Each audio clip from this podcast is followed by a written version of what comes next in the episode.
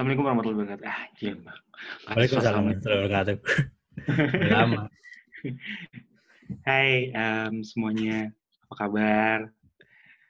Em, setelah sekian lama kita udah nggak aktif lagi di sosial media kita. Dan kita udah lama banget nggak aktif di YouTube juga. Em, dikarenakan sedang lagi sibuk semuanya. Berhubung sekarang lagi ada waktu, lagi ada kemauan, lagi ada semangat buat bikin podcast ya. Dengan tema apa, Dim? Lu kayak moderator ngaji, Dut.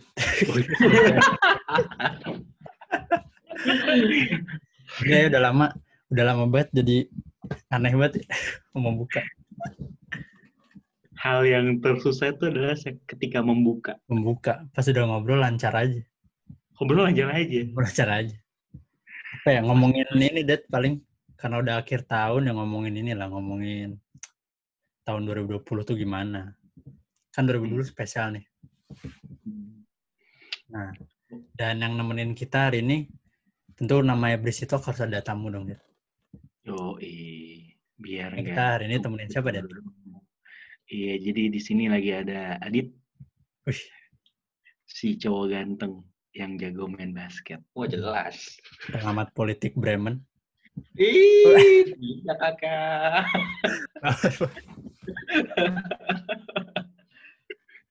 Sudah berpengalaman mantan ketua, eh wakil ketua, eh kok mantan ketua. Wakil ketua. Sik. Apa kabar, Dit? Alhamdulillah baik Dim. Gimana kabarnya? Ah, gini-gini aja lah pandemi. ya, kita ini kali ya, em, eh, pamer, kok pamer? Menginfokan ke yang dengar dulu kali ya. Ada apa di Jerman kali ini? Uh, itu pamer ya. Pamer lah. Student, student di Jerman, cuy. Video. menginfokan lah. Jadi buat yang belum tahu eh, di Jerman ini kita lagi lockdown ya. Lockdown sampai tanggal 10 dari tanggal sebenarnya lockdown secara fix secara resminya mulainya 2 November ya kalau nggak salah ya. Terus di lockdown yang lebih parah lagi tuh baru minggu kemarin kalau nggak salah ya. Second lockdown.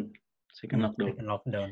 Jadi Harder kalau gua nggak salah sampai pertama tuh sampai 10 eh awal-awal Desember ceritanya kan. Terus Hmm. dari awal Desember itu makin banyak kan udah sampai sejuta ya waktu November kemarin tuh. Wih, ini dong dapat gold play button. Gold play button. Eh, Gold play button corona.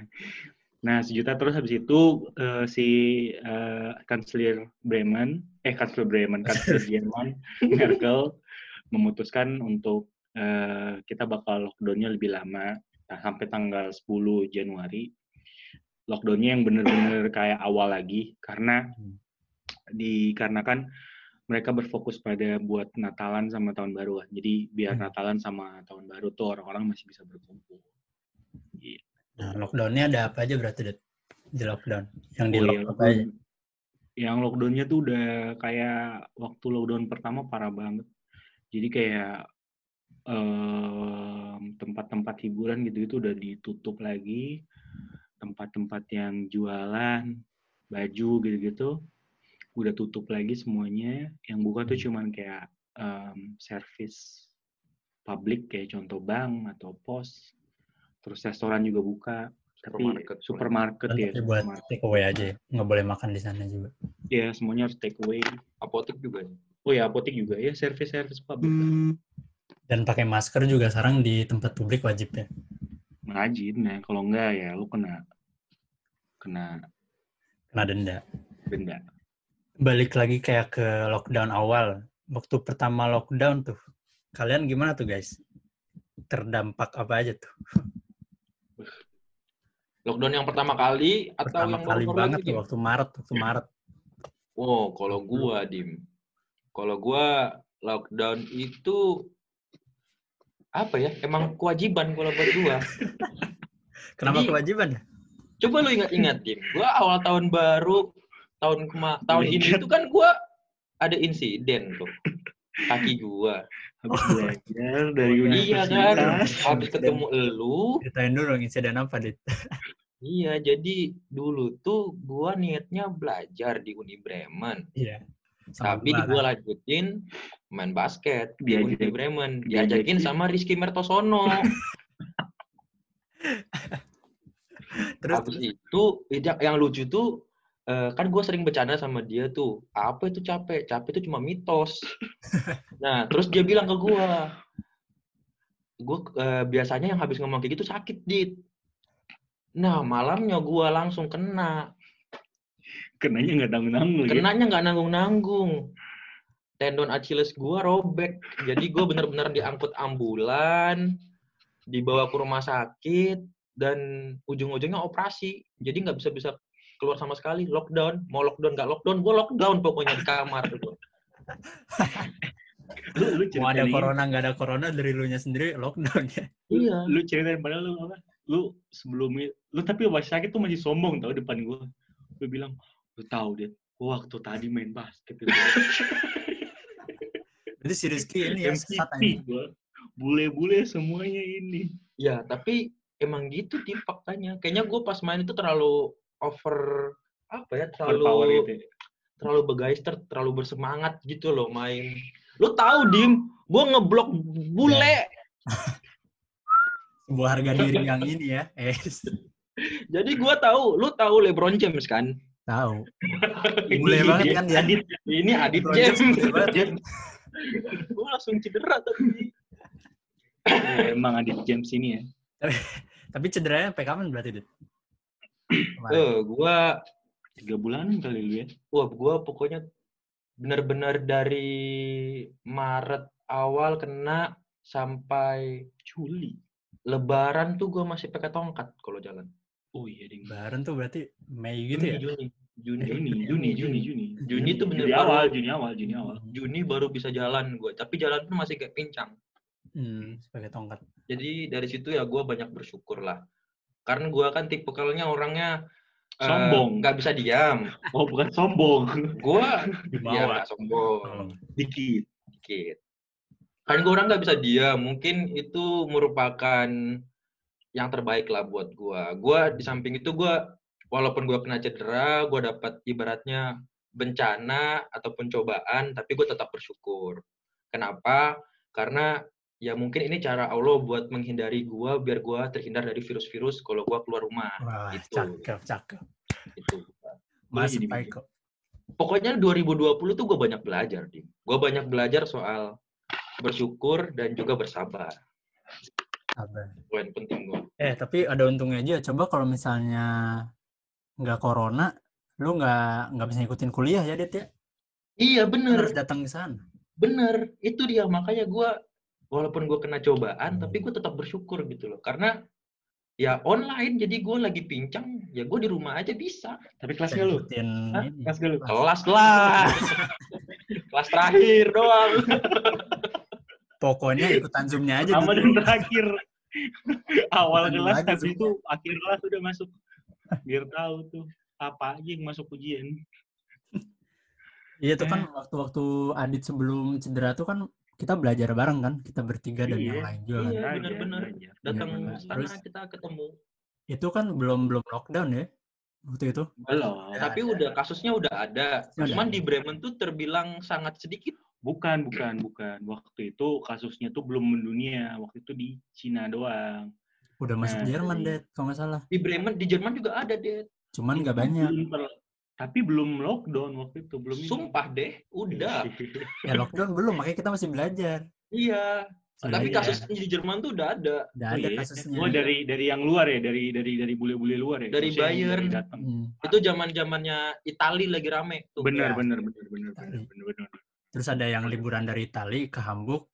Eh di Hamburg. Ya. Nah, Nah, baru rame. Nama lu rame baru kena. Tapi kalian Emang- ngira nggak sih bakal gini banget?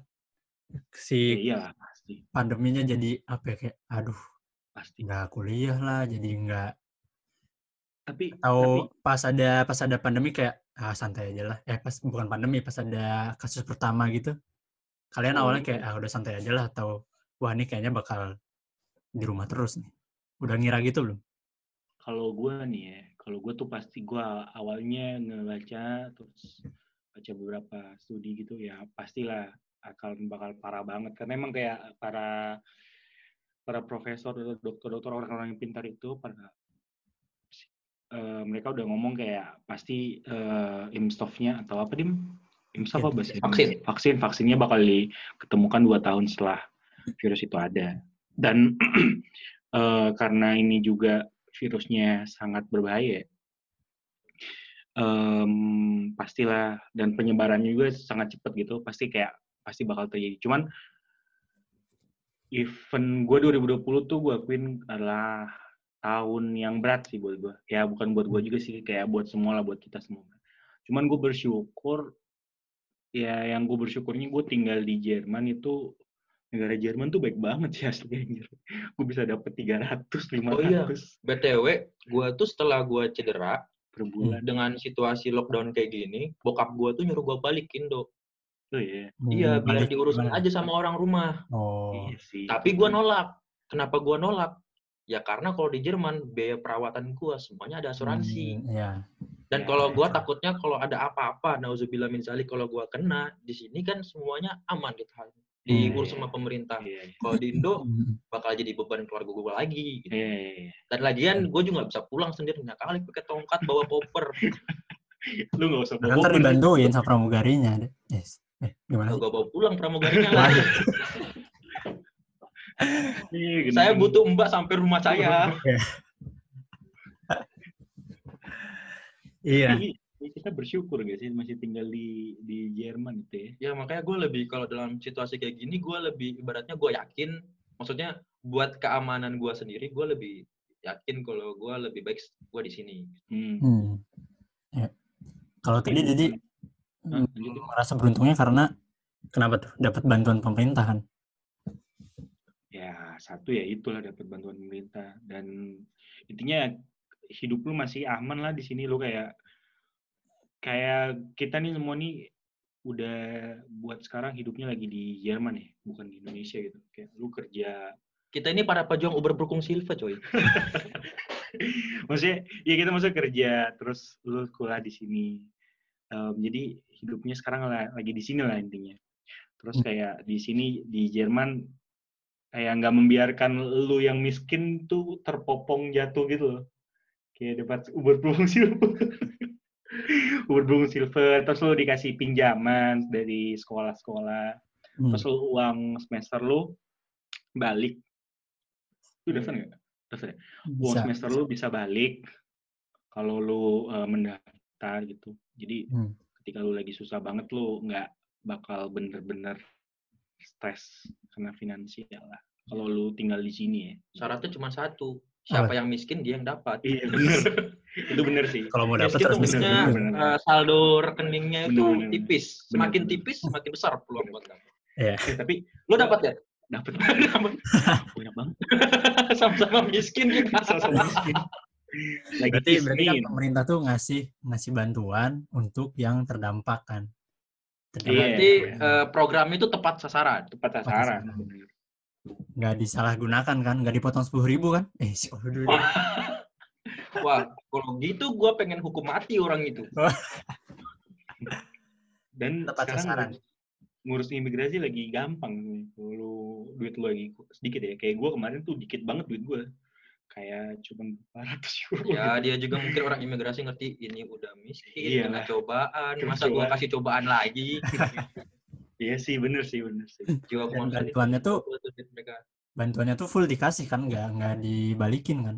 Bukan pinjaman Nggak. kan? Hmm. Kalau Uber Berkung tuh bener-bener dikasih. ada pinjaman, ada enggak. Iya, yang awal-awal kan. Iya, ada ada Yang pinjaman, ada enggak. Nah, jadi cuman pinjamannya nyantai juga kayak lu bunga 0% Hmm. dan lu bayar, bakal bayarnya tuh setelah kayak tahun depan atau setelah jadi ada dua sih kayak kan kita lagi di Bundesland Bremen ya. Hmm. Kalau dari Bundesland Bremen itu menawarkan pinjaman buat si para student kayak 6 bu, 3, 6 bulan apa 3 bulan? Kayak 3, bu, 3 bulan. Nah, 3 bulan itu lu bisa bayar di tahun depan dengan bunga 0%.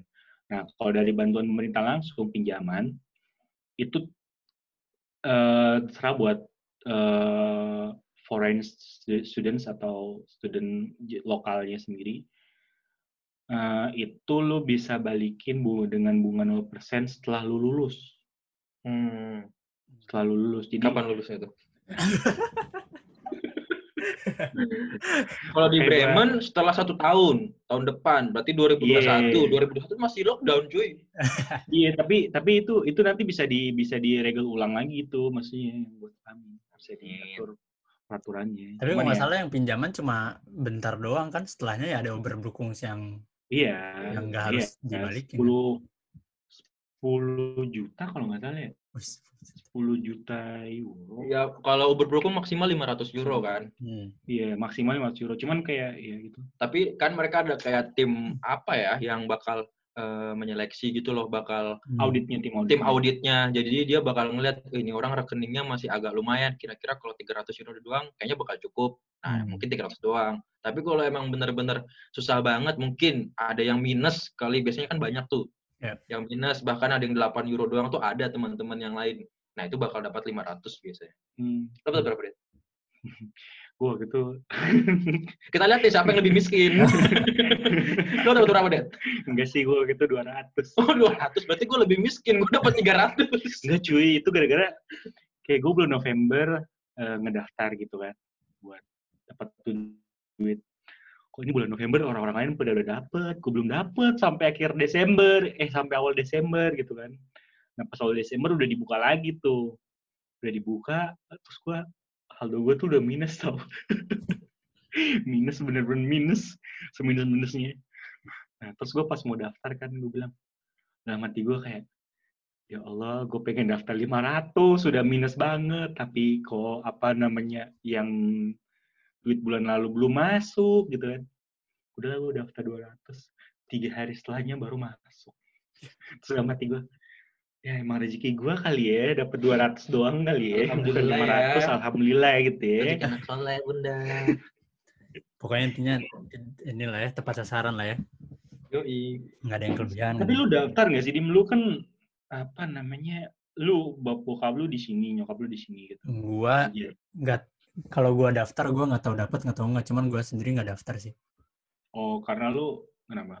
karena kerjaan juga nggak nggak nggak nggak ber karena gua kan beda ya mungkin beberapa teman-teman kita kayak ada yang kerjanya 20 jam per minggu itu kan maksud masuknya part time job ya Hmm. kalau gua kan mini job jadi yang cuma 10 jam per minggu yang 10 jam per minggu itu eh, mau pandemi nggak pandemi harus dibayar sih uangnya karena kita kan nggak bayar pajak Oh. Jadi, Tapi lu tetap kerja, Dim? yang, yang di yang diprioritasin kerja makanya waktu kan gue tempat kerja gue sempet tutup tuh pas buka yang diprioritasin yang mini job mini job dulu yang kerja Hmm. karena harus dibayar Hmm. nggak dapat bantuan dari pemerintah gitu Tapi kalau misalnya Kurs pada arbeit. saat tutup, lo tetap digaji, Dim?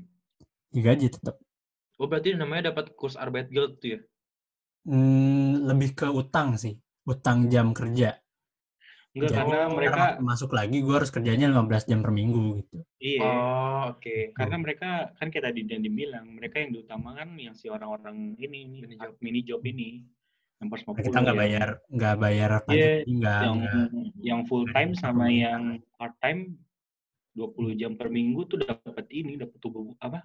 Arbeit Guild ya dari pemerintah ya. Iya. Udah, udah kalau yang kerja deh. juga dapat jaminan gitu. Kalau nggak salah yang kalau yang pekerja bener tuh dapat berapa persen dari gajinya gitu? 60 persen apa ya? 60 persen dari gajinya yang kurs arbeit. Hmm. Lumayan lah buat bayar uang rumah. Mm-mm. Tapi ya nggak tahu kalau misalnya orang yang udah berkeluarga, anaknya 7 atau nggak 12, mampus. Anaknya 7 dapat atau 12? Oh, dapat kinder guild ya? Iya. Iya. Iya. Makanya dia anak- makanya dia tuh kalau punya anak di sini aja. Makin banyak anak banyak rezeki bener. Iya, Siap, kayak siap. orang-orang Arab kan tuh makin banyak anak, makin banyak rezeki mereka. Iya. Semakin gue banyak anaknya, gue nggak mesti kerja ya. Gila. Uang Anak yang uang, kerja maksudnya gimana? uang rumah dari tiga anak pertama, uang makan dari anak keempat, uang asuransi dari anak ke enam dan tujuh delapan. Jadi Terus gue anak-anaknya compang-camping bajunya gimana? suruh di rumah aja pakai sempak aja, Dim. Pakai koran. Astagfirullah. Ah, mana nih si Dandi nggak jadi masuk ya? Nggak jadi kayaknya. Ya udahlah, kita aja lah. Ya gitu. Terus apalagi ya 2020 tuh macem-macem sih. Tapi, Kalian dengan Tapi dengan dengan kuliah online gimana kuliah iya, online? tapi lu sendiri ya sama. Kalau Ya, kuliah sih. online awal-awal sih ya, kan Hmm. nggak semua dosen itu em, melek teknologi. Kalau Hmm. menurut gua ya, ada beberapa dosen juga yang masih kayak gaptek kalau gua lihat, Hmm. kayak baru nyobain misalnya Big Blue Button ataupun bagaimana kan Si- bisa ada kayak breakout room gitu. Iya. Itu kan kalau di online tuh. Iya. Nah, bagi-bagi itu kadang masih ada kayak kendala teknis atau enggak biasanya sinyalnya abgahak gitu. atau Ya. jelek lagi kayak jelek. gitu gitu kan Hmm. atau enggak suaranya kayak feedback bla tuh masih kayak sering terjadi di awal-awal cuma lama kelamaan sih eh, tinggal pencet apa sih yang auto recorder gitu di layar laptop gitu jadi Ya. dosen yang ngomong kan kita otomatis record gitu jadi kita sisanya tinggal main YouTube aja tapi kalau udah tidur baru dengerin Tapi ngebantu sih itu buat orang-orang for- foreign student. iya jadi Tapi kita kesulitan kan rekam kalian? pakai HP tuh iya kan Berat ya. Berat. sekarang udah pakai laptop Tapi gue gue gue pengen tanya Nadim. Lu Apa nih? sendiri tuh gimana sih Dim? Lu kesusahan gak sih hidup? Atau ya keluarga lu apa apalagi susahan juga keluarga lu karena Oh, kan secara umum. Iya, karena kan kena semuanya kena dampaknya pasti. lah. Finansial, gua pribadi sih ini ya. Emang dari dulu nggak nggak nggak minta duit orang tua juga, jadi udah dengan dengan adanya dengan gua nggak dengan gua masih boleh kerja dan dapet gaji sih nggak nggak masalah kalau uang. Malah jadi positifnya jadi bisa nabung karena nggak ngapa-ngapain kan. Iya. nggak nggak main nggak nggak nggak nggak makan di luar jadi ya banyak nabung aja alhamdulillahnya sih belajar nabung sih kalau sekarang gua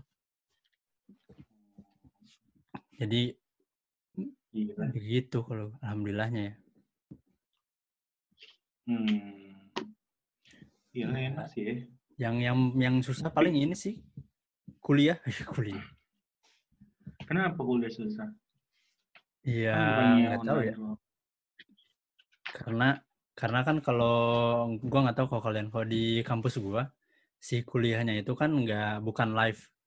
Jadi si dosennya udah bikin video terus kita tinggal nonton aja. Mereka udah upload videonya kita nonton videonya. Nah Oh iya iya. itu jadi ngepas ngepasin jadwalnya kita. Karena kalau misalnya udah udah di mindset kita udah tahu oh si gurunya udah ngupload kapan-kapan lagi lah nontonnya kapan-kapan lagi lah nonton Iya, malah iya. jadi bahayanya sih itu harus harus stick to the plan-nya itu Ya tapi kan ya kayak belajar lewat YouTube ya Dim ya? iya Iya. setil langsung otodidak. Masalahnya kita kan nonton YouTube nggak terjadwal kan kan. Hmm. Sepengennya kita aja. jadi nonton YouTube nonton Mbak Imong Iya. Baik. Bosku. Bosku. Bosku, bosku. Gue gitu sih. Paling apa ya? apalagi sih Dim ya yang lu pelajari lah 2020 ini pelajaran Hidup. pelajaran hidup kah Pelajaran hidup. apalah dari fenomena kan kita lihat kayak banyak di sisi lain ada banyak orang yang berduka di sisi lain banyak orang yang masih bersyukur diberikan kesehatan gitu loh maksud Iya. tuh maksud gua pelajaran apa sih yang lo dapatin dari 2020 ini? Wah, kalau pelajaran sih eh gua nggak berani ngeluh ya karena karena kan pasti awal-awal lockdown kayak kita mikirnya, duh nggak bisa main, duh nggak bisa nggak bisa keluar lah pokoknya nggak bisa jalan-jalan nggak bisa nongkrong sama temen-temen ngerasa apa ya kalau ngeluh kayak gitu cemen banget cuy sedangkan di belahan dunia yang lain banyak yang kehilangan pekerjaan mereka masih harus nyari duit buat buat eh, keluarganya kan untuk nafkahin keluarganya dan gak semua negara dapat ini kan nggak nggak dapat nggak semua negara dapat bantuan dari pemerintah kan gue Ya. ngomongin Zimbabwe maksudnya bukan negara lain Oke oke oke oke oke oke. Tapi sotoy. Siapa tahu Zimbabwe dapet. Gak Zimbabwe dapat ya gak dapat tapi Kan di sekarang tuh. Beli. pasti ada lah di mana Kayak banyak yang harus harus banting setir jadi jualan makanan lah gitu gitu Iya. dari Jadi, segi Pelajarannya gue jadi jadi apa ya? Kalau mau ngeluh tuh harus harus lihat yang lain dulu lah. Hmm, benar. Banyak-banyak eh, Jadi bersyukur kali ya. Kenalin diri sendiri sih. Karena kan di rumah terus. Yang paling Kalian gimana kalian? Ya, banyak sih. Gua gua tahun 2020 tuh bener-bener belajar arti bersyukur. Karena kayak gue termasuk yang awal tahun tuh lagi permasalahan finansialnya stres banget. Eh permasalahan finansialnya tuh lagi parah banget lagi stres banget lah gue gitu. Hmm. Kayak Belum pandemi eh, nih berarti. Enggak, enggak pas pandemi. Oh. Sebenarnya sebelum pandemi. Jadi gue tuh orangnya kan karena kalau di tempat kita kerja dulu yang di tempat kita Itulah. kerja di situ. Ya. Nah, kita kan kayak ngatur jadwal kerjanya sendiri ya, ter- terserah kita gitu mau Hmm. gimana, mau Fleksibel. fleksibel. Nah, jadi gue bisa ngeplan tuh, gue kira-kira pendapatannya bulan ini berapa, bulan ini berapa, bulan ini berapa, bulan ini berapa. Nah, dari awal Februari, dari awal Februari sampai bulan Maret, pokoknya sebelum apa namanya sebelum pandemi, terus ini gue pas-pasin tuh duitnya, karena lagi ujian kan. Hmm. karena ujian jadi gue pas-pasin duitnya buat em, kehidupan gue lah. Jadi nggak biar gue bisa fokus belajar juga. Nah terus pas bulan April gue mestinya kerja banyak malah tutup tokonya. Tutup dijanjiin apa dapat duit nggak dapat dapat duit. Tiga bulan gue hidup tanpa duit itu. Gue jadi gue bisa gue hidup cuman dari apa namanya? Dari eh, tabungan gue Hmm. sama dikirimin barang duit kepada orang tua. Dan gue nggak tahu kenapa emang rezeki gue sih kayaknya. Ada aja orang baik orang baik bukan dari keluarga gue yang tiba-tiba ngasih gitu Itu rezekinya dari Allah. Cuman medianya tuh manusia. orang. iya cuman Iya. ya itu maksud gue jadi kayak gue belajar untuk apa tadi gue bilang Rizky belajar mode on. Rizky mode on. Narasinya. Rizky mode on. belajar buat bersyukur karena ternyata kalau kita kita kita karena kayak gue merasa pada saat titik terendah gue gue tuh nggak pernah ngalamin permasalahan finansial seumur hidup Hmm. gue baru tahun ini doang gue permasalahan finansial seumur hidup gue seumur hidup gue dan pada saat titik terendah itu gue eh, belajar untuk bersyukur ada aja rezekinya gitu dari Hmm. Allah Berarti lu oke, berarti lu setuju nggak sama gue? Gue tuh kayak eh, lebih apa ya, lebih peka gitu loh terhadap hal-hal seperti itu. Jadi kayak gue banyak refleksi diri. Jadi gue kayak apa yang dikatain ustadz-ustadz soal kayak rezeki itu akan datang pada saatnya. Hmm. Untuk maksudnya rezeki orang tuh berbeda-beda. Kadang kita meminta ini, tapi belum datang. Mungkin jawabannya nanti ataupun diganti dengan hal yang lebih kita butuhkan gitu loh. Dan itu benar-benar gua ngalamin di tahun 2020 di Contohnya jadi contohnya kayak waktu gua cedera itu kan gua berbulan-bulan nggak bisa kerja kan. Nah tapi syukurnya uang tabungan gua itu cukup buat backup gua selama gua nggak kerja. Hmm. Nah, kesemu- kemudian setelah gua sembuh, itu gua dapat kerjaan lagi. Gua dapat kerjaan pas itu di Daimler. Hmm. Oh, iya, Nah, khusus gajinya di gede Daimler banget ya. Iya, jadi di Daimler tuh Dua ribu. alhamdulillah bisa nutupin uang gua sampai akhir bulan ini, Mantap. Sampai ke tahun. sampai akhir tahun. Bener-bener. Jadi walau kan di tempat gua kerja sebelumnya itu yang sama Dedi, itu gua udah mengundurkan diri. Hmm. Karena di situ kan ada pembatasan tenaga kerja kan karena bukannya cuman sebentar dan yang karena customernya nggak banyak, jadi kayak nggak butuh banyak tenaga di situ. Jadi kayak beberapa orang itu nggak tidak dipekerjakan. Nah salah satunya gua. Nah gua yang mana tidak ada pemasukan, cuman gua ada tabungan lagi. Hmm. Gitu. Iya, bener. Padahal lu kerja di Daimler cuma berapa lama, Dit? Gue cuman sebulan. sebulan kerja di Daimler. Waktu itu bulan apa berarti? Itu bulan eh Agus, Agustus. eh, Juli Agustus, Juli Agustus, Juli Agustus ya. Juli Agustus ya. Kerja di Daimler satu bulan, bulan Agustus. Bisa hidup sampai Juli, bisa Agustus sampai Agustus September. Juli Agustus, Dad. Juli kan gua lu bareng gua kita pergi ke Vega apa Vegesak itu. Bukan Vegesak. Beverset yang kita ini. Oh iya ya.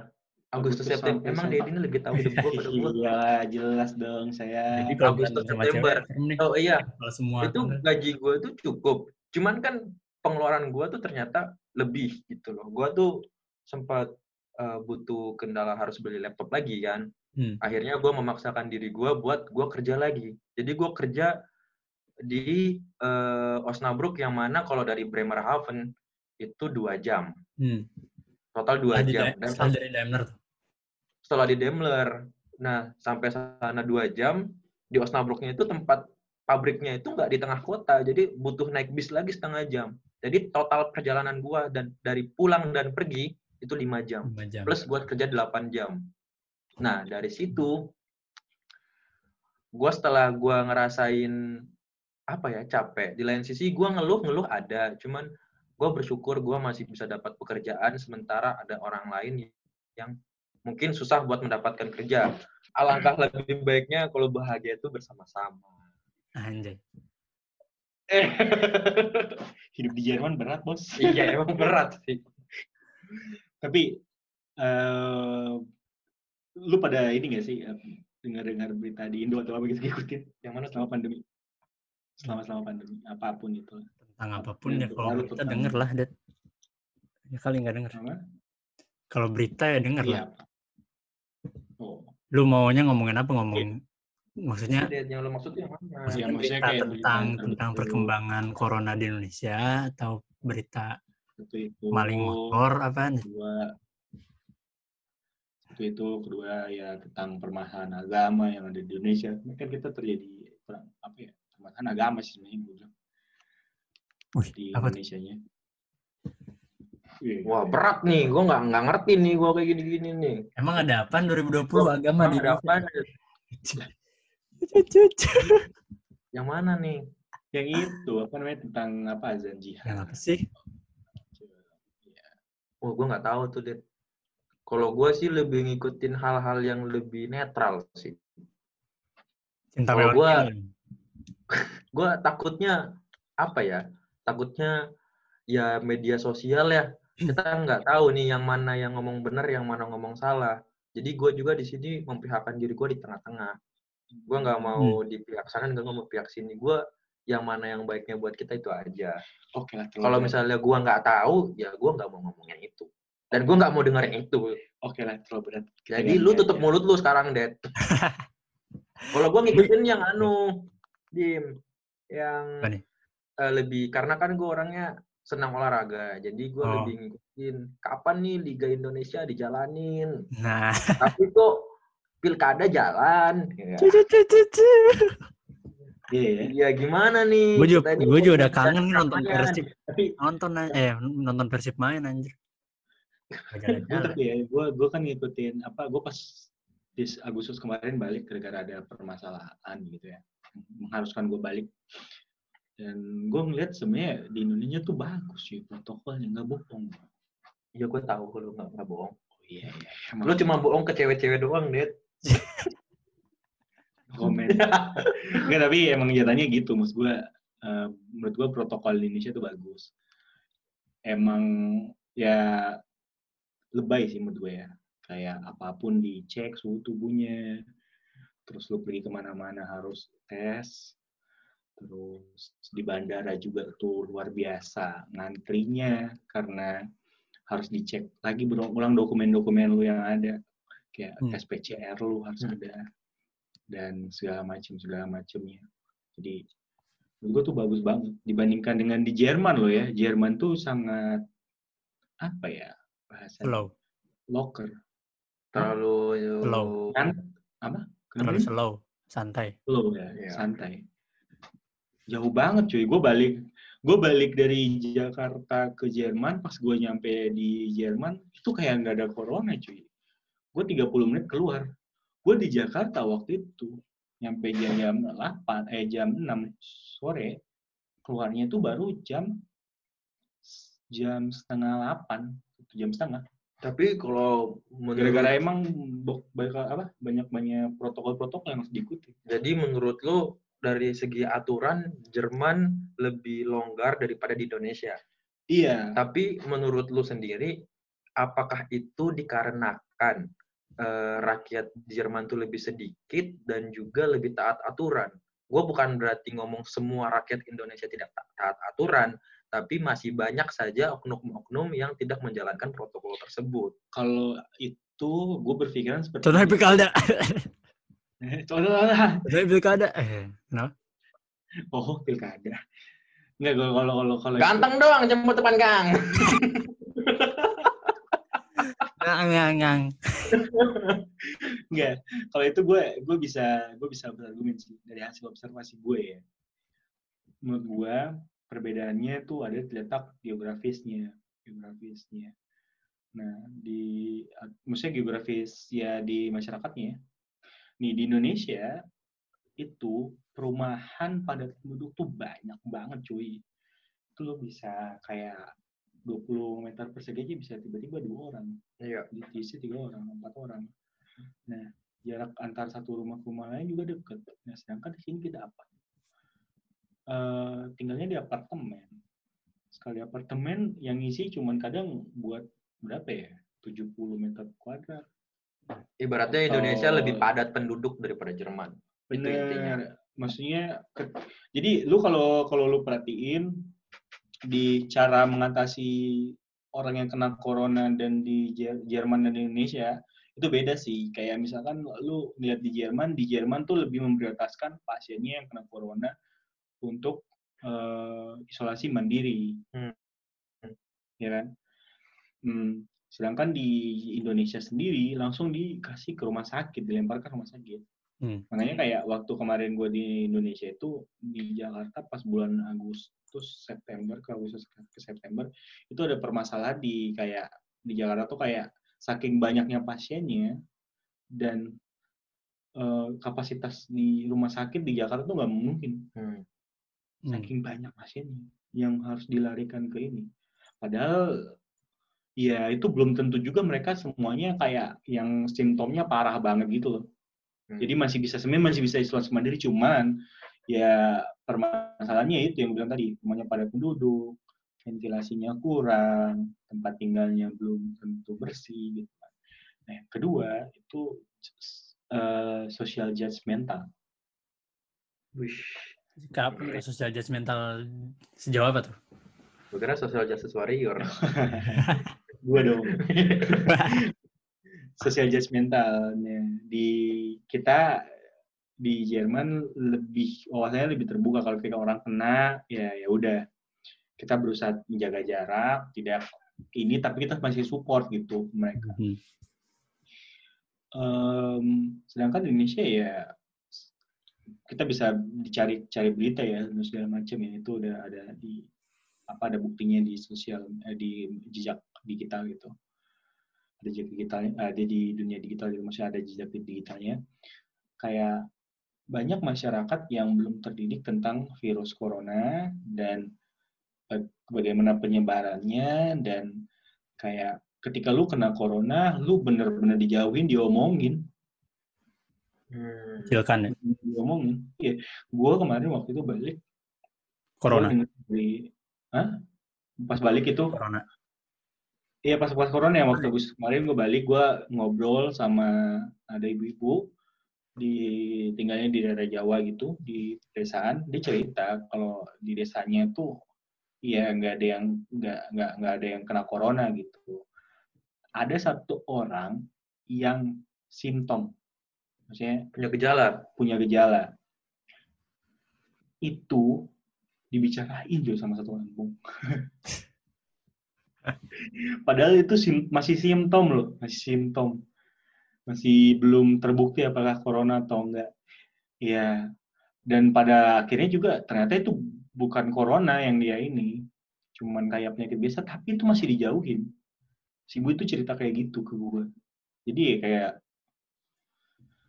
sangat stressful sih sebenarnya. Hmm. Itu sih Itu- gue. Nggak cuma corona aja nggak sih orang Indo kalau misalnya ada apa bisa diomongin sih. Ya itu sih harus dihilangin sih. Mental orang Indonya aja harus diganti. Ya. Lima menit. Di ngobrol. Biasa istri. Iya. Yang keberapa? Lima. Salma Hidayat. Gimana tadi? Oh iya. Eh, Tapi lu, lu oh. belajar- waktu waktu berarti kan lu melihat gimana penanganan, penanganan di Jerman dan penanganan di Indo berarti ada ya? Hmm. Itu waktu di Indo lu sering melihat pelanggaran ini nggak? Oh sering. Gue Terus gimana? gue gue kan waktu di Indo emang bolak-balik rumah sakit ya. Hmm. Itu rumah sakit gila cuy. Kayak gue buat ngantri itu nggak nggak orang gue nggak ngantri dan nggak ngejaga jarak literally dempet-dempetan. Hmm. Even pakai masker atau apa gitu ya. Cuman di rumah sakit itu juga masih dempet-dempetan, ngobrolnya dekat-dekatan atau apa ya. Terus kayak apa ya? Kurang kesadaran diri sih sebenarnya. Hmm. Mhm. Padahal tuh rumah sakit rumah sakit ini loh buat pasien corona. loh. Jadi Dan mungkin dari pihak rumah sakitnya juga kurang kan? Enggak juga. Gue bilang enggak juga. Rumah sakitnya rumah sakit terkenal waktu yang ini dan Dari itu rumah security. sakitnya protokolnya luar biasa. gue sih Bagus banget. lebih menyayangkan kalau misalnya eh, kita udah bikin aturan protokol yang begitu ketat yang mana tujuannya baik buat kita semuanya Hmm. tapi masih banyak saja oknum-oknum yang tidak mem- tidak memikirkan orang lain maksud gua eh, gua tuh banyak banget ngeliat di instastory entah dari teman-teman gua sendiri dari lingkungan gua sendiri Hmm. ataupun dari teman-teman dari sekolahan gua di saat corona kayak gini kan pada libur tuh sekolah-sekolah kuliah tuh pada libur juga kan Hmm. nah itu kan kita dikasih libur biar kita tetap di rumah aja buat menghindari ketemu ataupun eh, kontak langsung dengan orang lain tapi justru dengan liburan ini dipakai buat kayak sering-sering nongkrong sama teman hangout sana sini ketemu. Jadi kayak begitu disayangkan aja kalau Hmm. eh, aturan pemerintah yang mana minta kita untuk tetap di rumah aja dengan cara meliburkan sekolah tapi dipakai buat justru ketemu orang. Jadi nggak ada bedanya. Kalau menurut gua. Tapi tapi itu enggak sih? Itu kan emang emang sifat dasar manusia bersosialisasi. iya betul. Cuman Dan kan situasi ini kan sedang situasi gawat darurat banget ya nggak tahu sih. Menurut gue menurut gue kalau gue pribadi ya gue ya nggak bisa salahkan juga sih sebenarnya. Karena emang sifat manusia bersosialisasi dan sifat manusia untuk tidak bisa dikekang gitu. Bukannya di Indonesia aja di Amerika di di, di Jerman di mana pun iya. Banyak kayak gitu kan. Betul. banyak kayak masih ada ada apa namanya ada demo-demo Freiheit. Atau freedom tentang nggak boleh pakai masker Iya betul, cuman lebih baik kan kalau diminimalisir. Apabila ya gua aja justru gua jujur ya gua tiap kali nelpon nyokap gua, gua Hmm. selalu nanyain adik-adik gua pada di mana. Kalau jawaban nyokap gua malam-malam, terus nyokap gua bilang lagi ngumpul sama teman-temannya, itu gua secara nggak langsung bukannya gua mau mengguri orang tua gua, tapi gua lebih kok mama ngizinin, Hmm. Hmm. kalau mama ngizinin keluar, ya nggak apa-apa sesekali. Ya sesekali nggak apa-apa, sebulan sekali keluar nggak apa-apa. Tapi tiap malam, Iya. Iya, itu iya. yang kayak gua, maksudnya ada loh tetangga kita yang yang yang cukup sedih keluarganya ada yang meninggal gitu loh. Hmm. Maksudnya ini Karena? dampak nyata gara-gara corona Oh. gitu loh. Maksudnya corona itu benar-benar ada di sekitar kita. Ya ini kayak ini loh dampaknya kalau kamu tidak di rumah aja, kalau kamu eh, tetap keluar orang, kita nggak pernah tahu siapa yang kita ketemu itu apakah dia dari mana, ketemu orang yang sakit atau enggak atau gimana kita nggak pernah tahu gitu. Lebih baik ya kita menghindari itu kalau menurut Iya. gua.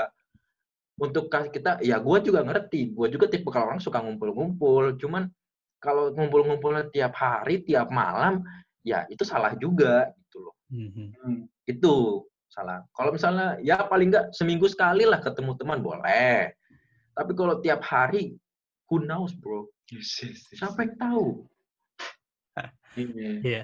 Kalau kalau nanggepin Dedi tadi ya yang masalah manusia harus bersosial kan sebenarnya banyak alternatif yang yang walau sebenarnya ya nggak nggak ini juga lah nggak nggak tidak bisa disamain lah. Cuman alternatif aja gitu. Kan misalnya pengajian sekarang kita pengajian bisa online.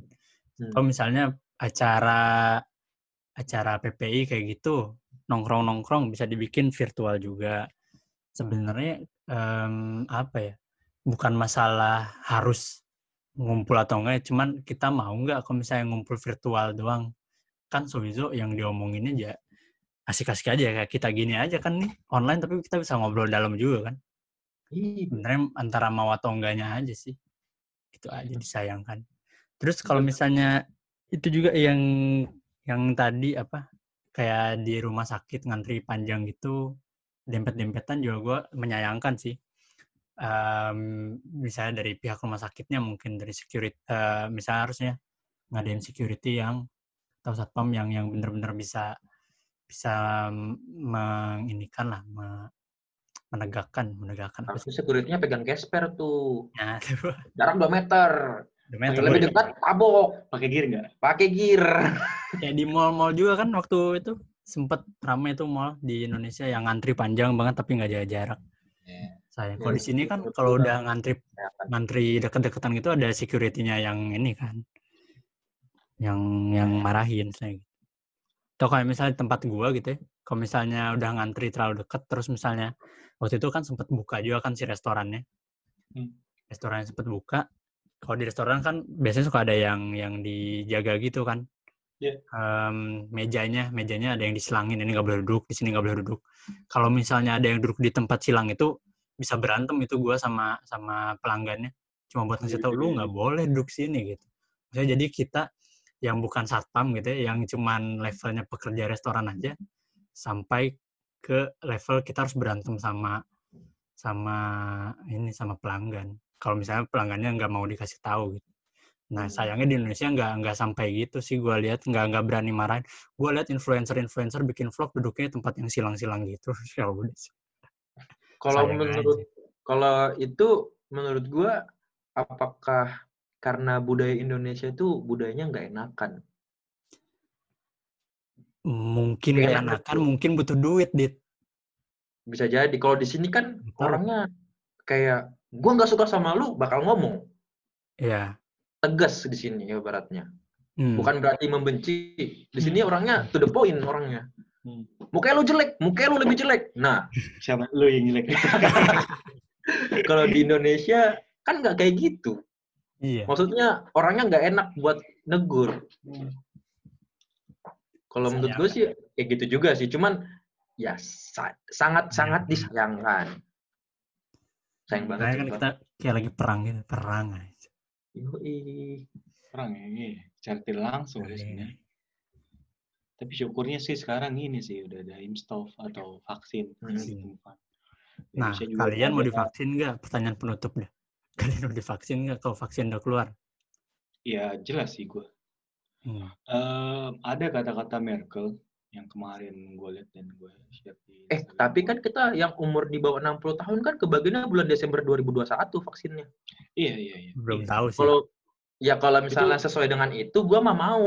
Gua pasti ngeliat dulu tuh dari bulan Januari selanjutnya orang yang divaksin aman nggak? Kalau aman gua mati. mau. tapi tapi tapi ini dit kan, ada ada ada perdebatan kanselir eh, bisa aja eh, ada perdebatan antara kanselir kita eh, ters- Angela Merkel sama salah satu politiker dari pa- partai partai politik lah gitu. Oh, mas. Loh, gue kayak gue tahu nih. Politisi lanjut, AFD maksudnya. Ya, Yo, man. kenapa? AFD nggak sih? AFD. ya. Ya, AFD tuh buat yang belum tahu itu tuh apa sih sayap kiri ya? Yo. Ya, Iya. jadi- Dan Eh, kiri, iya. Ya sayap kiri, Itulah. sayap kiri. Sayap kiri yang bertentangan lah sama partai politiknya si Angela Merkel ini. Hmm. Dan itu pertanyaannya ini menurut gua sangat bagus sekali gitu pertanyaannya. Dan dia bertanyakan gini, kayak ini vaksin gak 100%. Itu kayak cuman 70% apa 80 berapa persen gitu. Ya Maksudnya segitulah. tingkat keberhasilannya karena emang harusnya diujinya benar-benar harus diuji tuh harus butuh take time memang. Hmm. Nggak nggak nggak bisa langsung cepat-cepatnya gitu. Karena ini kan nah yang vaksin yang di yang udah dibeli di Jerman ini itu kan vaksin yang dikejar waktu ya. sebenarnya. Maksudnya di dipercepat gitu vaksinnya. Jadi makanya udah udah ada vaksin pada saat akhir akhir akhir bulan Desember ini. Nah terus eh, dia tanya kepada si Merkel, bagaimana bisa anda em, memberikan vaksin yang tidak benar 100 persennya kepada eh, masyarakat di sini. Hmm. Dan Angela Merkel menjawab dengan sangat bagus. Dia mengam- dia bilang begini, intinya adalah dia berani mengambil risiko. Lu mau 50 persen, 50 persen, 70 persen, eh, berapa persen? Selama di atas, enggak, selama di atas 50 persen dia bilang. Intinya, selama di atas 50 persen, gue berani ngambil resiko itu karena lu mau berapa lama kita bertahan dengan memakai masker, lu mau berapa lama ekonomi kita hancur. Jadi, dan gue yakin selama itu di atas 50%, gue yakin kita pasti bakal selamat. Karena gue percaya atas teknologinya kita, atas eh, para penelitinya kita yang udah meneliti itu. Mereka semua orang pintar, dan gue yakin akan hal mereka. Gitu. Makanya Angela Merkel eh, berani ngambil resiko, udah mempercepat kan sekarang Desember. UK juga gitu. UK udah bulan Desember. Udah ada satu wanita di atas 90 tahun kalau nggak salah yang udah kena vaksin. Jadi dia orang vaks yang tervaksin pertama, vaksin corona. Pertama Vaksin. di UK. Vaksin. Jadi ya kalau misalkan pun ditanya, dikasih ketika seorang pemimpin udah ngomong dia percaya, ya gue sebagai bawahannya gue percaya. Secara tidak langsung ya. Kalau pemimpin udah ngomong ya pasti gue ikutin. Pemimpin kita kafir, Dit. Loh, kita sekarang negara minoritas, bos. Halo, kita bukan di negara mayoritas. Berarti kalau misalkan dia jelek kan, Berarti Angela Merkel mau divaksin pertama tuh. dia bilang gitu. Kalau perlu gue yang divaksin pertama boleh, dia bilang gitu. Mana? Emang dia ngomong gitu? Jokowi yang ngomong gitu, cuy.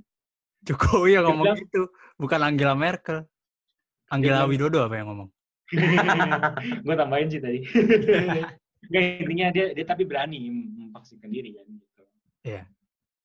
Kalau lu gimana, Dit? Vaksin? Kalau gue mah berani kan gue targetnya tanggal bulan Desember tahun depan. Jadi gue bakal ngeliat-ngeliat dulu tuh orang-orang tuh. Apakah Mati dia nih? setelah kena vaksin tambah kuat atau dia bermutasi. Kalau bermutasi gue kalau bisa pilih gue pengen bermutasi jadi kayak Wolverine. Iya tiba-tiba kalau kita tiba ada ini kayak Sakit luka dikit langsung sembuh. Wis. keren sih. Penggal Iya, kepala. udah. Lu kalau kepalanya dipenggal, eh, Tumbuh lagi. di, di, di badannya tumbuh kepala atau di kepalanya tumbuh badan? Gue tunggu kepala tiga gue. Kayak Hydra dong. Gitulah. Oke deh, teman-teman.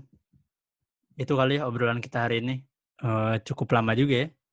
Ngomongin terdampak pandemi sampai ke vaksinnya. Sampai politik di Indonesia. Bentar sih tadi. Eh, Ya, oke ya pokoknya seru lah.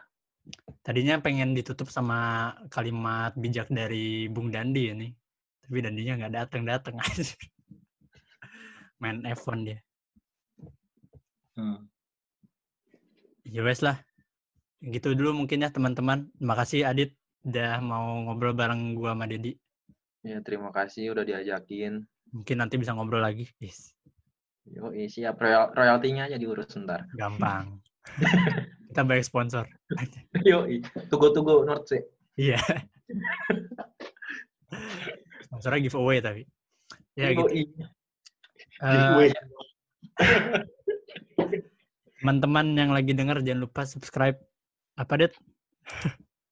Bisik FM. Oh boleh bersik? Boleh apa, apa sih? Gue lupa anjir. Boleh bersik asal asik. Ah lu sotoan lu nanyain. Bisa. Dia nanya lu karena dia nggak tahu, Det. Pinter Iya. emang. Eh, gue lupa. Eh, gue lupa, Det. Apa ya? Apa ya? Apaan sih nanya? Gitu aja, teman-teman. Iya. Thank you. Bye-bye. Dah, cus. Bye. Assalamualaikum. Salam.